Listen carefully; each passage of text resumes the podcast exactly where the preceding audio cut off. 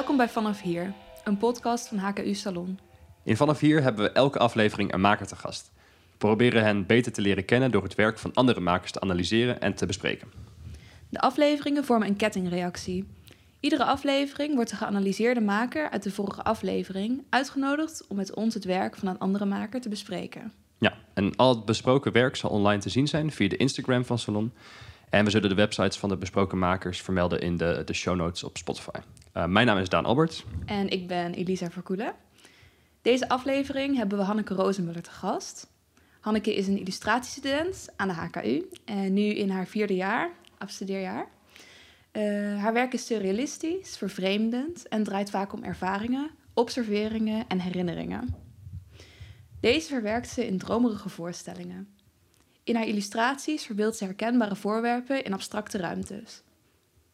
Met Hanneke zullen we het vandaag hebben over het werk van Menno Zegers. En hij is uh, grafisch student. Ja. Ja? ja. welkom Hanneke. Yes, dankjewel. Super bedankt dat je hier wilde zijn. Ja, bedankt voor de uitnodiging. Echt cool dat jullie dit doen, überhaupt tijdens ook nog afstuderen en zo. heel vet. Ja, thanks. Dat is altijd een uitdaging, maar het is het altijd heel erg waard. Ja, dat is wel waar. Uh, heb jij de vorige aflevering geluisterd? Ja, zeker heb ik die geluisterd. Dat was uh, heel leuk om te luisteren. Ja. Uh, ik ken dus Wiebe een beetje, net zoals jullie van de seminar die we hebben gedaan twee jaar geleden. Ja.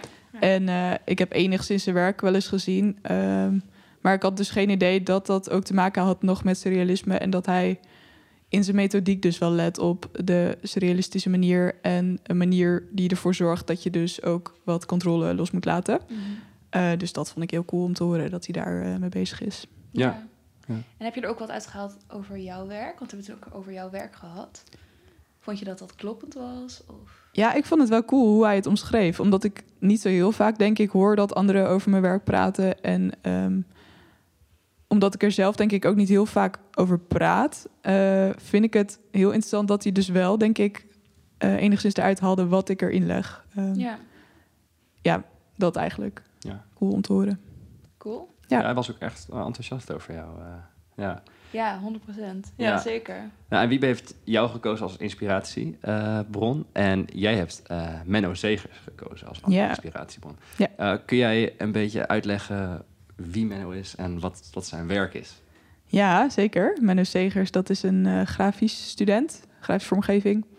En uh, ik ken hem eigenlijk dus pas sinds een maand... toen ik uh, de Instagrams van HKU'ers afscrolde... en ah, ja. ging bekijken ja. hoe hun websites er dan uitzagen. Maar Menno die, uh, die is dus grafisch vormgever... maar hij omschrijft zich ook als een soort fluide... en ziet zichzelf volgens mij ook een beetje als kunstenaar. Dus ook mm -hmm. als...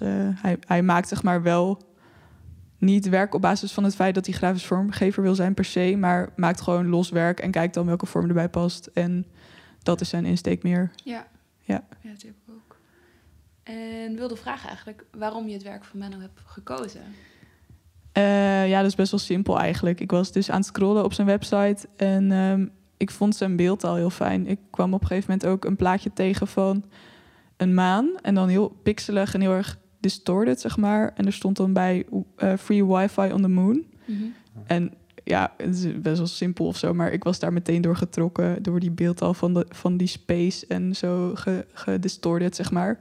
Is het dan ook zo dat de beeldtaal voor jou met het onderwerp soort van dat het dan samenwerkt, dat je dat, dat, dat je aantrekt daarin? Ja, zeker. Ook gewoon het hele idee van de ruimte, dat vind ik ook heel interessant natuurlijk. Dus ja, dat was wel iets wat me meteen trok. Um, ja. En toen ging ik even erop klikken en lezen wat erbij stond. En er stond een heel verhaal over um, hoe je als kind, uh, zeker onze generatie, hoe je als kind kennis maakt met technologie. En in de 90s, oh ja. toen wij heel klein waren, toen uh, begon dat natuurlijk allemaal. En dat dan het beeld was van wow, internet gaat de wereld verbeteren. Ja. En uh, het gaat ons als samenleving dichter bij elkaar brengen en zo. Dat we daar echt de vetste dromen over hadden. En dat het er gewoon uitzag als gewoon een stukje magie of zo. Ja. Uh, dat stond dus ook een beetje erbij bij Menno's, uh, bij dat plaatje. En uh, ja, de manier waarop technologie nu wordt ingezet, dat het eigenlijk maatschappijen eerder in negatieve zin beïnvloedt. Um, en dat het geld toetrekt naar grote bedrijven die al superveel geld hebben. Ja. ja. Dus dat het eigenlijk ongelijkheid eerder in de hand werkt dan dat het ons samenbrengt als maatschappij. Um, en die manier waarop Menno dus die beeldtaal van de 90s internetachtige situatie had verwerkt in dus ook nog dat theoretische over wat technologie doet met de maatschappij. Dat vond ik echt heel sick. Ja. Ehm, dus dat je ook een soort heel direct een soort associatie meteen hebt bij dat plaatje. Mhm. Ehm, dus dat dat je meteen een soort aanspreekt en dan kijk je er langer naar en je weet niet per se waarom. Maar dan staat dat er dus bij van het begin van het uh, tijdperk dat technologie uh, en internet in ontwikkeling was. En dat je dan denkt, oh ja, dat is een beetje van toen die tijd. En ja, dat je dat dus meteen op die manier herkent. Ja, ja. En ben jij zelf als maker ook bezig met zoiets wat Menno doet, die associaties eigenlijk leggen tussen beeld en inhoud? Ben je daar ook mee bezig? Ja, uh, dat denk ik wel. Ehm, ik denk ook een beetje dat dat is waar onze overlap in zit. Want uh, ik heb Menno ook heel kort gesproken natuurlijk. En toen had hij het ook over uh, de ervaarbaarheid van kunst. En dat ding van associaties leggen in kunst. En dan zorgen dat de kijker dus even moet kijken naar dat werk. En even moet kijken naar hey, welke associatie leg ik nou en mhm. wat zit daarachter? Dat je daar ook een tijd overheen moet laten gaan. En dat dan dus de beloning is dat je op een gegeven moment die associatie legt, begrijpt en dan dus dat werk goed kan interpreteren. Ja. Uh, ik denk dat het bij mij iets anders werkt in de zin van dat ik wel associatief werk graag. Um, maar dat ik vooral, uh, ik denk dat men ook vragen wil stellen hoor, maar dat ik dus vooral vragen wil stellen en een soort vervreemding op wil roepen. Ja. Um, Bedoel je dat de boodschap minder duidelijk is? Over ja, eerste... ik wil denk ik niet zoveel concreet zeggen. Ik wil meer een soort globaal mm uh, iets bewerkstelligen. Um, namelijk dat er een soort aanspraak wordt gemaakt op de gevoelswereld. Um, en dat je dus door middel van associaties een kant op geduwd wordt. En dat je dan een soort denkt, waar kijk ik naar? Ja. Uh, wat zie ik nu en wat moet ik daarmee? En dat je dan een soort, ja, dat op je in kan laten werken. Zonder dat je per se uh, iets leert over wat technologie doet met de maatschappij of zo. Dus het is denk ik iets meer aanspraak op gevoel in plaats van iets heel concreets of zo. Mhm. Ja, ja want, me, want Menno die, was, die, die kan heel erg tegen dingen aanschoppen eigenlijk. Hè? Heel kritisch, soort van yeah. heel specifiek. En dus daar, of, je moet inderdaad wel graven nog, je moet uh, zoeken uh, naar de boodschap. Maar het is wel wat harder in beeld gebracht. Ja, zeker. Maar vind je niet heel eng dat, dat je dat dan mensen heel vrij zijn in de interpretatie van jouw werk? Dat je misschien verkeerd soms opgevat wordt? Of, uh, of vind je het juist fijn om die controle los te laten? Um, nee, ik vind het niet eng. Uh, ik vind het wel eng wanneer ik het idee heb dat andere mensen het idee hebben dat er iets heel duidelijks achter moet zitten. Dus ja. soms denk ik wel van mm. dat is niet de intentie van mijn werk. En soms voelt het dan ook alsof dat het wel zou moeten zijn. Dat ik heel duidelijk een kant op zou moeten gaan. Heel soms doe ik dat, maar vaak dus niet. Um, maar ik vind het juist een hele grote charme hebben van kunst, wanneer het dus uh, aanspraak kan doen op gevoel. En dat het dus op die manier die diepere laag van je mens zijn een soort aan kan spreken. Um, want ik denk dat het ook heel direct is. Dat het contact dat het werk dan met je maakt heel direct is en heel eerlijk of zo. En heel primair.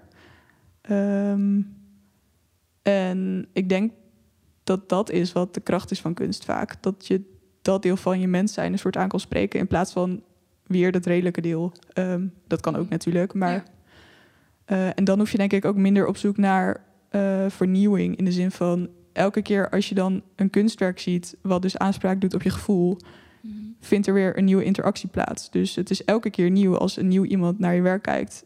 Um, dus je hoeft dan ook niet zo te focussen op, oké, okay, wat voor nieuws ga ik nu weer maken of zo. Want die interactie is het nieuwe of zo. Ja je had het net ook even over de ervaarbaarheid van werk of van kunst. Ja. En wat bedoel je daarmee? Um, goeie vraag.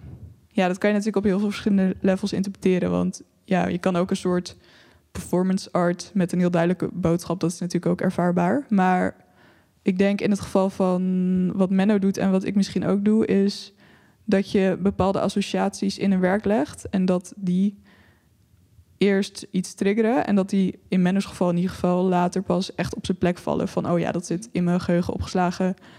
En dat, doet dus, dat stuurt mijn hoofd dus een richting op zonder dat ik meteen de vinger daarop kan leggen. En ik ja. denk dat dat ook een uitwerking is die mijn werk ook kan hebben in sommige gevallen. Ja, en, maar um, Menno kan dan ook vaak um, een soort van maatschappelijke thema's uh, uh, aan de tand aansnijden. En ehm, ik heb het gevoel dat zijn stel er ook natuurlijk goed voor leent. Uh, dat je met subliminal messaging en, en, en, found footage kan werken. En, Zeker. Wat is dat subliminal messaging? Dat moet je even uitleggen. Oh ja, um, subliminal messaging volgens mij is dat je veel soort van gefragmenteerde beelden laat zien.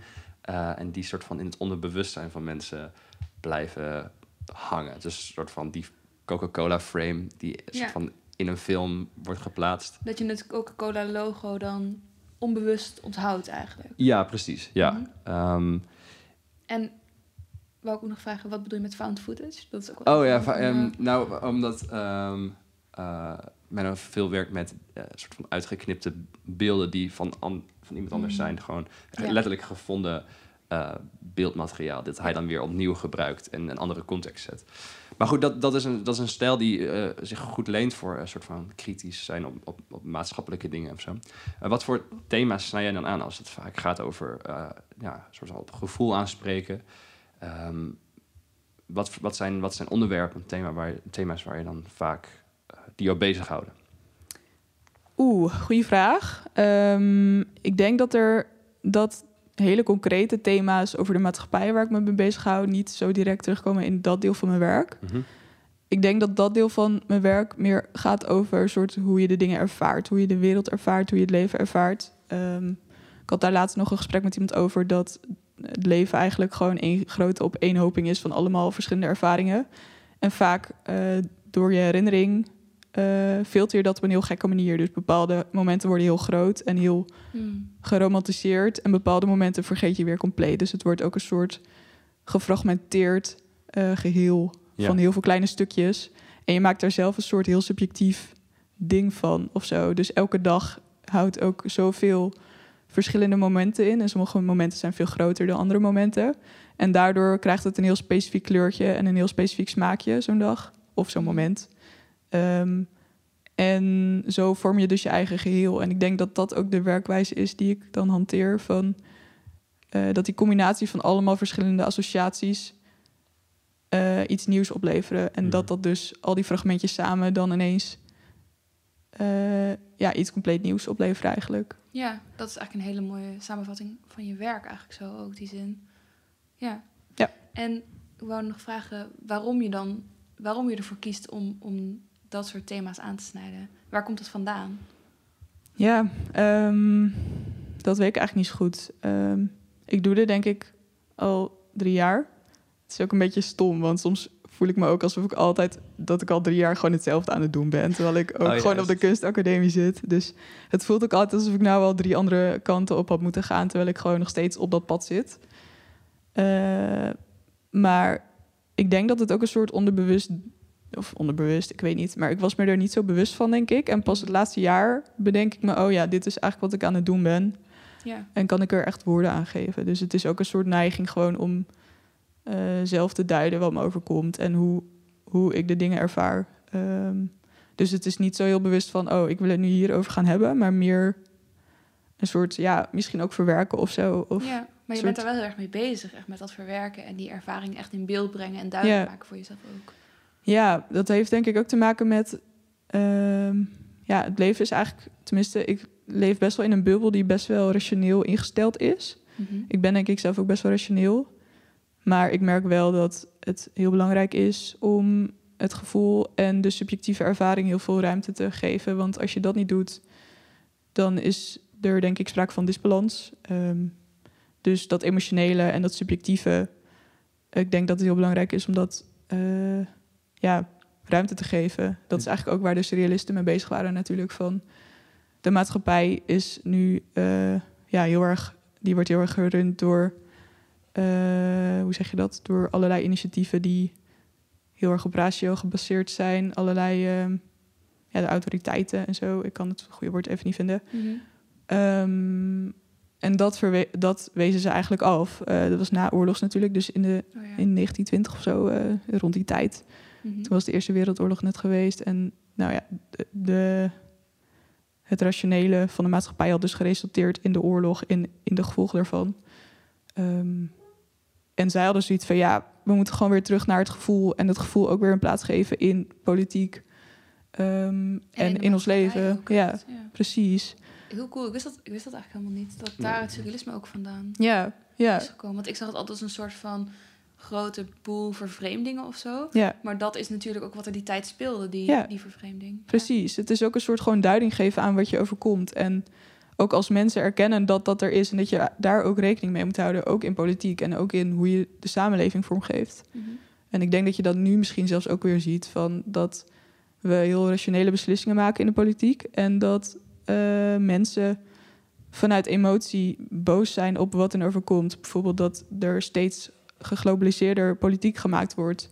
Dat zorgt ervoor dat wij ons uh, voelen alsof we minder controle hebben mensen zijn er boos over, maar daar wordt niet echt op ingegaan. Dus dat dat gevoel zo weinig uh, invloed heeft in politiek is ergens heel goed, denk ik. Maar het moet wel erkenning krijgen en het moet wel een plaats krijgen om balans te houden of zo. Maar dat wordt toch al die, al die soort van rationele beslissingen worden toch al wel gedaan vanuit een plek van gevoel. Dat zijn toch waar dat waar het begint? Of? Ja, deels wel. Wat bedoel je dan met uh, gevoel? moet een...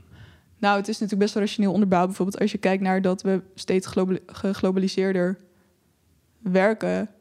Uh, ergens kan je er natuurlijk over zeggen dat het um, goed is voor ons als maatschappij, omdat we dan meer in verbinding met elkaar staan.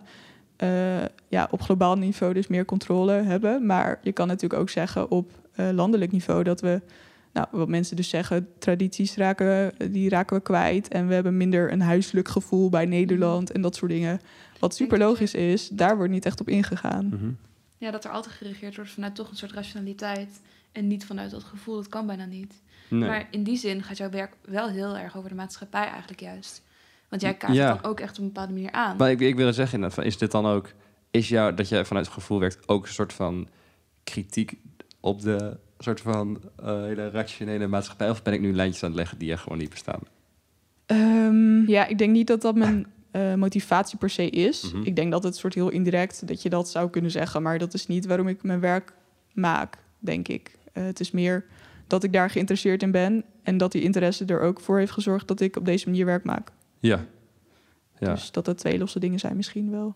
Maar ik denk wel dat je bewust of onbewust wel net zoals surrealisten toen ergens ook een soort afspiegeling maakt van de maatschappij. Snap, snap je wat ik bedoel? Ja, maar ik denk ergens ook dat je dat automatisch misschien doet als mhm. maker. Als je ja, als je gewoon vanuit jezelf werk maakt, je staat in verbinding met de maatschappij en met de tijdsgeest, dat dat automatisch er ook al wel in door kan sijpelen.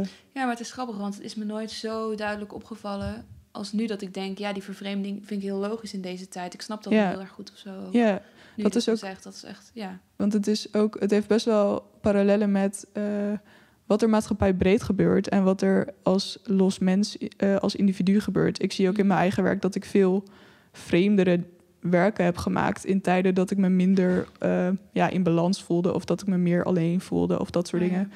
Dat dat als individu heel erg gebeurt. En dat zie je dus ook als hele kunststromingen. Inderdaad, na de Eerste Wereldoorlog, dat de maatschappij helemaal uit balans was, ging iedereen heel lijpe dingen maken en zo. Dus dat dat ja. op allebei de manieren inderdaad wel een beetje zo werkt of zo. Dat het eruit moet of zoiets. En je kan dan, als je terugkijkt naar je werk, inderdaad herkennen van, oh, dit was zo'n periode of dit was zo'n periode. Ja, dat kan ik soms inderdaad wel zien. Oh. Ik merk ook dat ik de laatste tijd juist weer wat rustigere beelden maak of zo. En dat ik in meer onstuimige tijden dan uh, wat vagere ja. shit maakte of zo. Ik denk dat, dat voor veel mensen ook wel herkenbaar ja. is, inderdaad. Ja, denk het ook. Het is eigenlijk interessant dat daar nu minder de aandacht op wordt gelegd dan ook. In welke zin?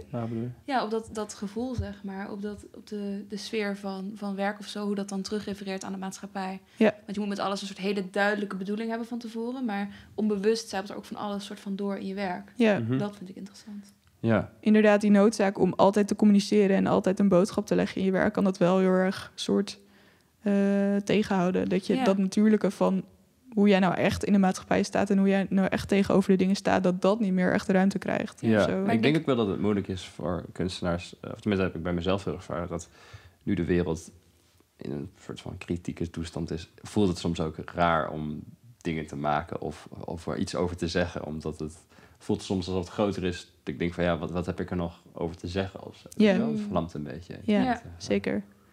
Ja.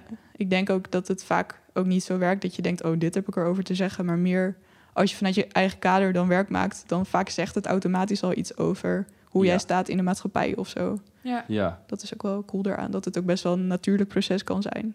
En wat is dan een werk van Menno dat je inspireert? Ja, uh, ik heb toevallig vanochtend nog even gekeken oh, ja. naar een filmpje van hem. Uh, ja. Die heet Get Disappointed. Ik weet niet of jullie die kennen. Oh, ja? ja, die heb ik ja, gezien. Ja, ja. Ja, ja, dat is echt een heel chill filmpje. Maar dat gaat dus over... Ik interpreteer het als uh, iemand van onze leeftijd, dus Menno waarschijnlijk... die terugkijkt op hoe hij als leven het kind... Als leven het kind? als kind het leven zag. Ja. Oh. ja. Um, en dat hij dus dacht: oké, ik ga nou geld verdienen, ik ga nou uh, mijn dromen najagen en ik ga mijn leven opbouwen zoals ik het wil en zo. Ja. En dan ga ik dus uh, daar geld mee verdienen en uh, ja, wordt helemaal leuk en zo. En, en ook technologie gaat echt me daar vet bij helpen en dat wordt echt heel cool en dat, nou, dat een beetje. Um, en dat je dan terugkijkt op wat er gebeurd is en hoe de dingen eigenlijk in elkaar zitten en dat je dan denkt: oh, hè. Wat is hier net gebeurd? Het is echt totaal niet hoe ik het voor me zag. En um, ja, dat de maatschappij dus heel anders blijkt te werken dan dat je dacht of zo. En dat doet hij dus ook weer met die beeldtaal van, van het begin van internet en zo. En met dat heel glitchy gedoe. Uh, dus het, het past ook heel erg goed bij deze generatie, denk ik. Dat we inderdaad toen allemaal in die tijd klein waren. Toen internet nog net uh, nieuw was en zo. En dat we toen allemaal dachten van wow, dat je gewoon met die kinderlijke blik naar de wereld kijkt. Ja.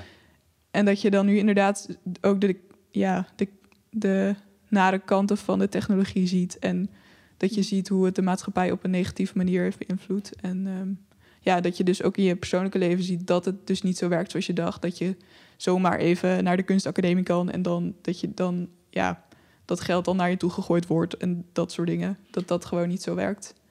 Eigenlijk is Menno's werk ook best wel nostalgisch op deze manier, als je het zo zegt. Ja. Maar meer een soort ruwe, nostalgische sfeer ja. heeft het. Want meestal als je over... Ik weet niet, als ik aan nostalgie denk, denk ik juist meer een soort stoffig boek, foto's, dat soort dingen. En hij pakt het juist best wel ruw en hard aan, zeg maar. Ja, het is heel niet dubbel. zo bekeken, ja. Dat is heel cool. Ja, want het is ergens heel erg... Ja, het voelt ergens heel fijn. Zo van, oh, toen inderdaad die pixels overal nog zichtbaar waren en dat het er zo uitzag. Maar hij doet er ook weer iets heel raars mee, dat het ook heel naar wordt om naar te ja, kijken of ja. zo. Ja, want jij en Menno hebben het beide op een bepaalde manier over nostalgie. Uh, maar de uiting daarvan is best wel vaak anders. Um, en ik vraag me af hoe jij dan omgaat met het ontwerpproces dat, dat voorafgaat aan het maken van een werk. Uh, want zoek je naar manieren, naar nieuwe manieren om dingen te vertellen of in beeld te brengen? Of werk je intuïtief? Uh, of bekijk je eerst het werk van anderen? Of uh, ja, hoe, hoe pak je dat aan? Um, goeie vraag. Uh, ja, ik denk daar best wel veel over na. Uh, ik denk dat het ook een soort wisselwerking is, omdat ik best wel vaak denk: oh, uh, dit en dit is veel beter werk of zo. Um, en dan begin ik en dan probeer ik bijvoorbeeld een specifiek aspect ook te implementeren. En soms werkt dat, maar vaak kom ik dan toch weer terug op: oh, maar dit lijkt eigenlijk ook wel weer op wat ik de vorige keer heb gedaan en de vorige keren. Dus soms komt er wel een soort stukje van iemand anders steel ik dan een soort, neem ik dan over in mijn werk. Zoals wat dan? Eerder een soort van beeldelementen? Of ja, beeldelementen. Of stijl, of... Ja, eigenlijk allebei hoor. Maar vooral beeldelementen in de zin van... Uh, ja, misschien kan je beter dit materiaal ook toevoegen of zo. Dus een materiaalkeuze die iemand heeft gemaakt... waar ik dan inspiratie uit haal. Um, en ja. dat probeer ik dan wat te implementeren. Maar soms denk ik inderdaad, wauw... Uh, ik, het wordt nooit heel radicaal anders of zo. Mhm. Mm -hmm. um, ik denk dat dat toch ook echt te maken heeft inderdaad met intuïtie en met... Um, ja, bij voorbaat al een soort idee hebben van wat ik heel nice vind of zo. Dus uh, ja, het is inderdaad wel zo dat ik inspiratie put uit anderen en dat ik daar veel mee bezig ben. Maar het lukt me dan blijkbaar niet om daar helemaal uit los te breken of zo. Mm -hmm. Wat misschien ook niet hoeft. Maar ja, dat is inderdaad uh, een beetje hoe het gaat. Ja, ja want heb je wel... Ik denk ook niet per se dat het hoeft. Maar heb je wel, merk je wel dat je um, uh, efficiënter bent geworden in de afgelopen drie jaar... nu je, die, de, nu je de stel uh, veel gebruikt? merk je wel verschil in, in hoe je tot... of dat je sneller tot een punt kan komen... of dat je, dat je het meer onder controle hebt of zo? Of, uh, ja, nee, het is niet efficiënter geworden... omdat ik toch wel veel ook bezig ben met uh, wat voor materiaal ik wil gebruiken. En dat het, ja. elke keer is het toch ook wel weer net anders. Dus het is toch elke keer ook wel weer zoeken. Omdat soms dan wil je toch collage of toch een ander materiaal... ook om het uit te proberen. En vaak dan probeer ik iets en dan werkt het weer niet en dan moet ik weer wat anders doen. Dus eh, ik denk dat het toch ook wel echt zoeken blijft, omdat het toch altijd wel net weer wat, anders is. Ja. ja. dus ik zou het willen, maar uh, nee. en hoe vind je dat jouw werk ervaren moet worden? Want uh, we hadden het er laatst al even over en we moesten ook meteen denken aan um, de film 2001 Space Odyssey, waar je het net ook even over had. Uh, en toen zei je dat je het interessant vond in die film dat je niet soort van alles hapklaar voorgeschoteld krijgt. Um, niet de boodschap, niet de onderwerpen. Um, en dat je echt die ervaring, zeg maar, heel erg. Ja, dat je het heel erg beleeft, ook echt die film. en ik wilde vragen of dat bij jouw werk ook zo is. Of je dat ook zo ziet, zeg maar. Ja, echt uh, leuk dat jullie dit er even in betrekken. Het is echt mijn favoriete film ooit. Het is echt zo'n goede film. Maar um, ja, die film. Um, er zijn natuurlijk wel wat thema's die enigszins een rol hebben in die film. Um, het gaat wel over de verhouding tussen de mens en technologie. En een beetje de existentiële ervaring van de mens. Van uh, ja. nergens controle over hebben en hoe groot het heelal eigenlijk is. Uh, en dat soort dingen. Dus het speelt wel met thematiek en uh, het stelt daar wel heel duidelijk vragen over. Um, dus het is niet compleet alleen maar een ervaring zonder dat je een aanknopingspunt hebt natuurlijk. Mm uh, en dat vind ik er wel heel fijn aan. Dat het wel speelt en flirt met bepaalde thema's. En dat het je wel soms een wat duidelijkere kant op stuurt. Bijvoorbeeld gewoon het hele ding van AI die de wereld overneemt. Uh, of die de mensheid overneemt. En mm -hmm. ja, machtiger is dan de mens of slimmer is dan de mens. Dat is natuurlijk wel een heel duidelijke boodschap. De mogelijkheid daarvan. Um, maar daarbuitenom zijn er ook heel veel dingen waarvan je echt denkt: wat gebeurt hier? En hmm. waarom zit het hierin? Uh, en... Maar dat heb ik soms bij jouw werk ook wel een beetje hoor. Yeah. Dat ik dan denk dat ik hem heb, het beeld. En dan denk nee, het is ook niet nodig dat ik het snap hoor. Maar dat ik denk, volgens mij snap ik het. Yeah. En opeens zit er een of ander gaar element. En ik echt van, wow, wat fuck? Weet je wel? Doe me dan een andere kant op of zo. Ja, dat, ja. ja, dat... Um, ja, als ik er even over nadenk. Ik denk ik vind het wel fijn als er wel een beetje dus een kant op gestuurd wordt. Ook niet altijd hoor. Maar dat je een beetje houvast hebt wel. Ik, ja, precies. Ik denk dat ik dat soms doe, soms niet. Uh, dat verschilt heel erg. Um, maar ik weet eigenlijk niet of ik wil dat het op een bepaalde manier geïnterpreteerd wordt. Omdat ik denk vooral dat wat ik wil dat de uitwerking is, is dat iemand er naar kijkt en dan gewoon denkt: huh, wow, uh, zou het hierover gaan? Zou het hierover gaan? Zou het ergens over gaan? Mhm. En gewoon uitgedaagd wordt om er naar te kijken en heel veel vragen krijgt. En dat die dan ook vooral niet opgelost worden. Ja. Dat vind ik eigenlijk fijn als dat gebeurt. En ik denk dat dat in de praktijk ook vaak gebeurt, omdat er gewoon niet een heel duidelijk antwoord is meestal. Dus ja, dat eigenlijk. Ja, en ik denk ook met die ervaring die je dat net noemde, dat, je, dat het dan echt meer een ervaring wordt die je beleeft dan een film waar je naar kijkt. Uh, zo zie ik jouw werk eigenlijk ook. Ja, en wat je net ook zei aan het begin van... je moet er daarvoor uh, vechten voor de informatie... en voor je, jouw interpretatie van de boodschap. En ik denk dat daardoor je, je, je band met, met het onderwerp... of met het thema van het werk sterker wordt. Omdat je er zelf moeite voor hebt gedaan. Ja, precies. En het is ook niet een eenduidige, eenduidig thema vaak. Het is ook heel erg wat die associaties voor jou specifiek geval doen of zo. En of het überhaupt iets met je doet omdat je iets hebt met wat je ziet of niet of zo. Dus juist dat subjectieve en dat de kans bestaat dat je er iets mee hebt, maar ook dat je er niks mee hebt, dat vind ik juist heel interessant eraan of zo, omdat je dan alle kanten op kan. Ja, ja. Daardoor wordt het werk ook een klein beetje van jou als ja, kijker. Je kan het je echt toe-eigenen. Dat is, ja. ja. Zijn er nog meer kunstenaars waarvan je nu weet, oh, dat is ook een inspiratiebron. Ja, of misschien een aanrader voor de luisteraar. Eigenlijk. Ja, dat ook. Of ja, heb je nog een aanrader voor de luisteraar? ik had die vraag beter voor moeten bereiden misschien. Maar uh, ja, natuurlijk Magritte. Die is gewoon echt top. Dat, is, dat zijn zulke fijne beelden. Hij, ik moet wel zeggen dat hij een andere manier van werken heeft dan ik. Omdat hij toch wel een iets duidelijker beeld had van wat bepaalde elementen samen met elkaar vermengd, zeg maar, betekenen. Mhm. Hij had echt wel iets meer een codetaal voor mijn gevoel. Uh, dus bijvoorbeeld een trein in een, uh, in een open haard, dat betekende oh dan een, een duidelijke blik of een soort van openheid en duidelijkheid of zo. Ik weet niet, dat soort oh, dat, dingen. Dat waren van die... Hij had echt theorieën daarover. Oh, cool. Um, en dat heb ik natuurlijk helemaal niet. Uh, maar zijn werken doen wel enigszins hetzelfde in de zin van dat je er naar kijkt, een associatie hebt en dan denkt vanuit je eigen beeld misschien het werk wel te begrijpen. En dan weet je eigenlijk helemaal niet of het wel klopt met wat hij bedoelde. Maar ik denk dat het hetzelfde kan werken. Um, ja, ik zit even na te denken. Je had net ook nog een andere. Die noemen we je.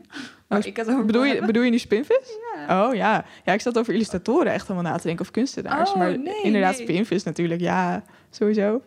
Uh, ja, spinvis, daaraan vind ik heel vet dat het ook heel erg werkt met soort fragmenten. Dus dat je een nummer hebt en dat het dan vaak allemaal flarden van herinneringen aan elkaar verbindt. En dat dat dan een soort subjectieve ervaring van uh, ooit twintig jaar geleden, dat hij dat dan een soort uh, zingt. Kun je daar een voorbeeld van geven?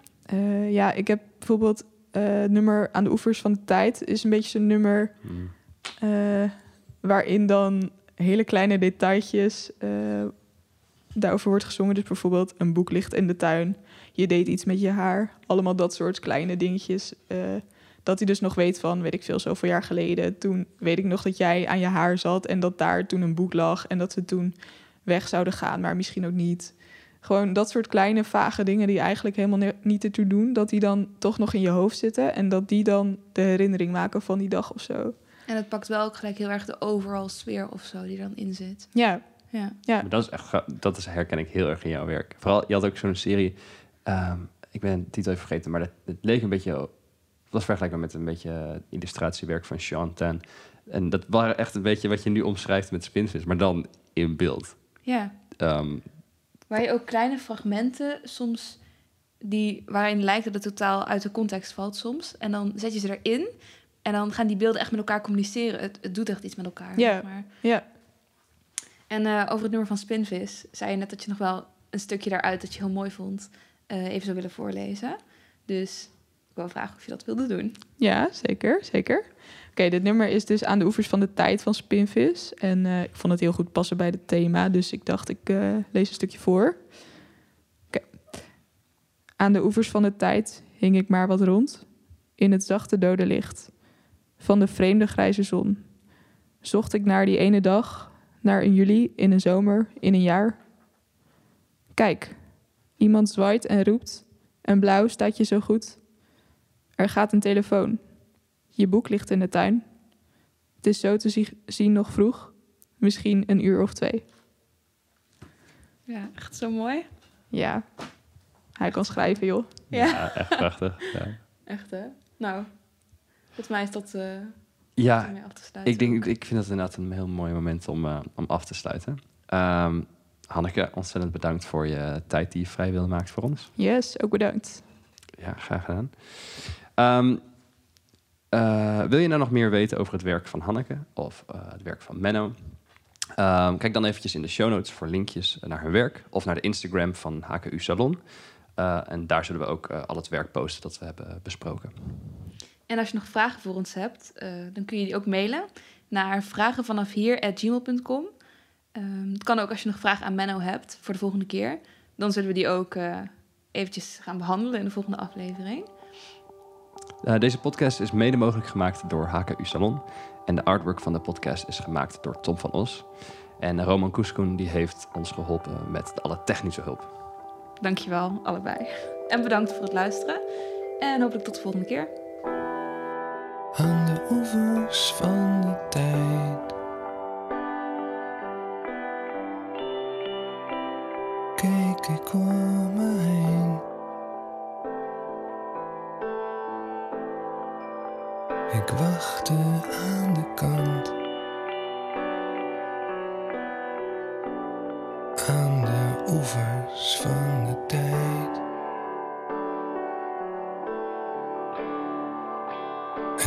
Alles ging voorbij.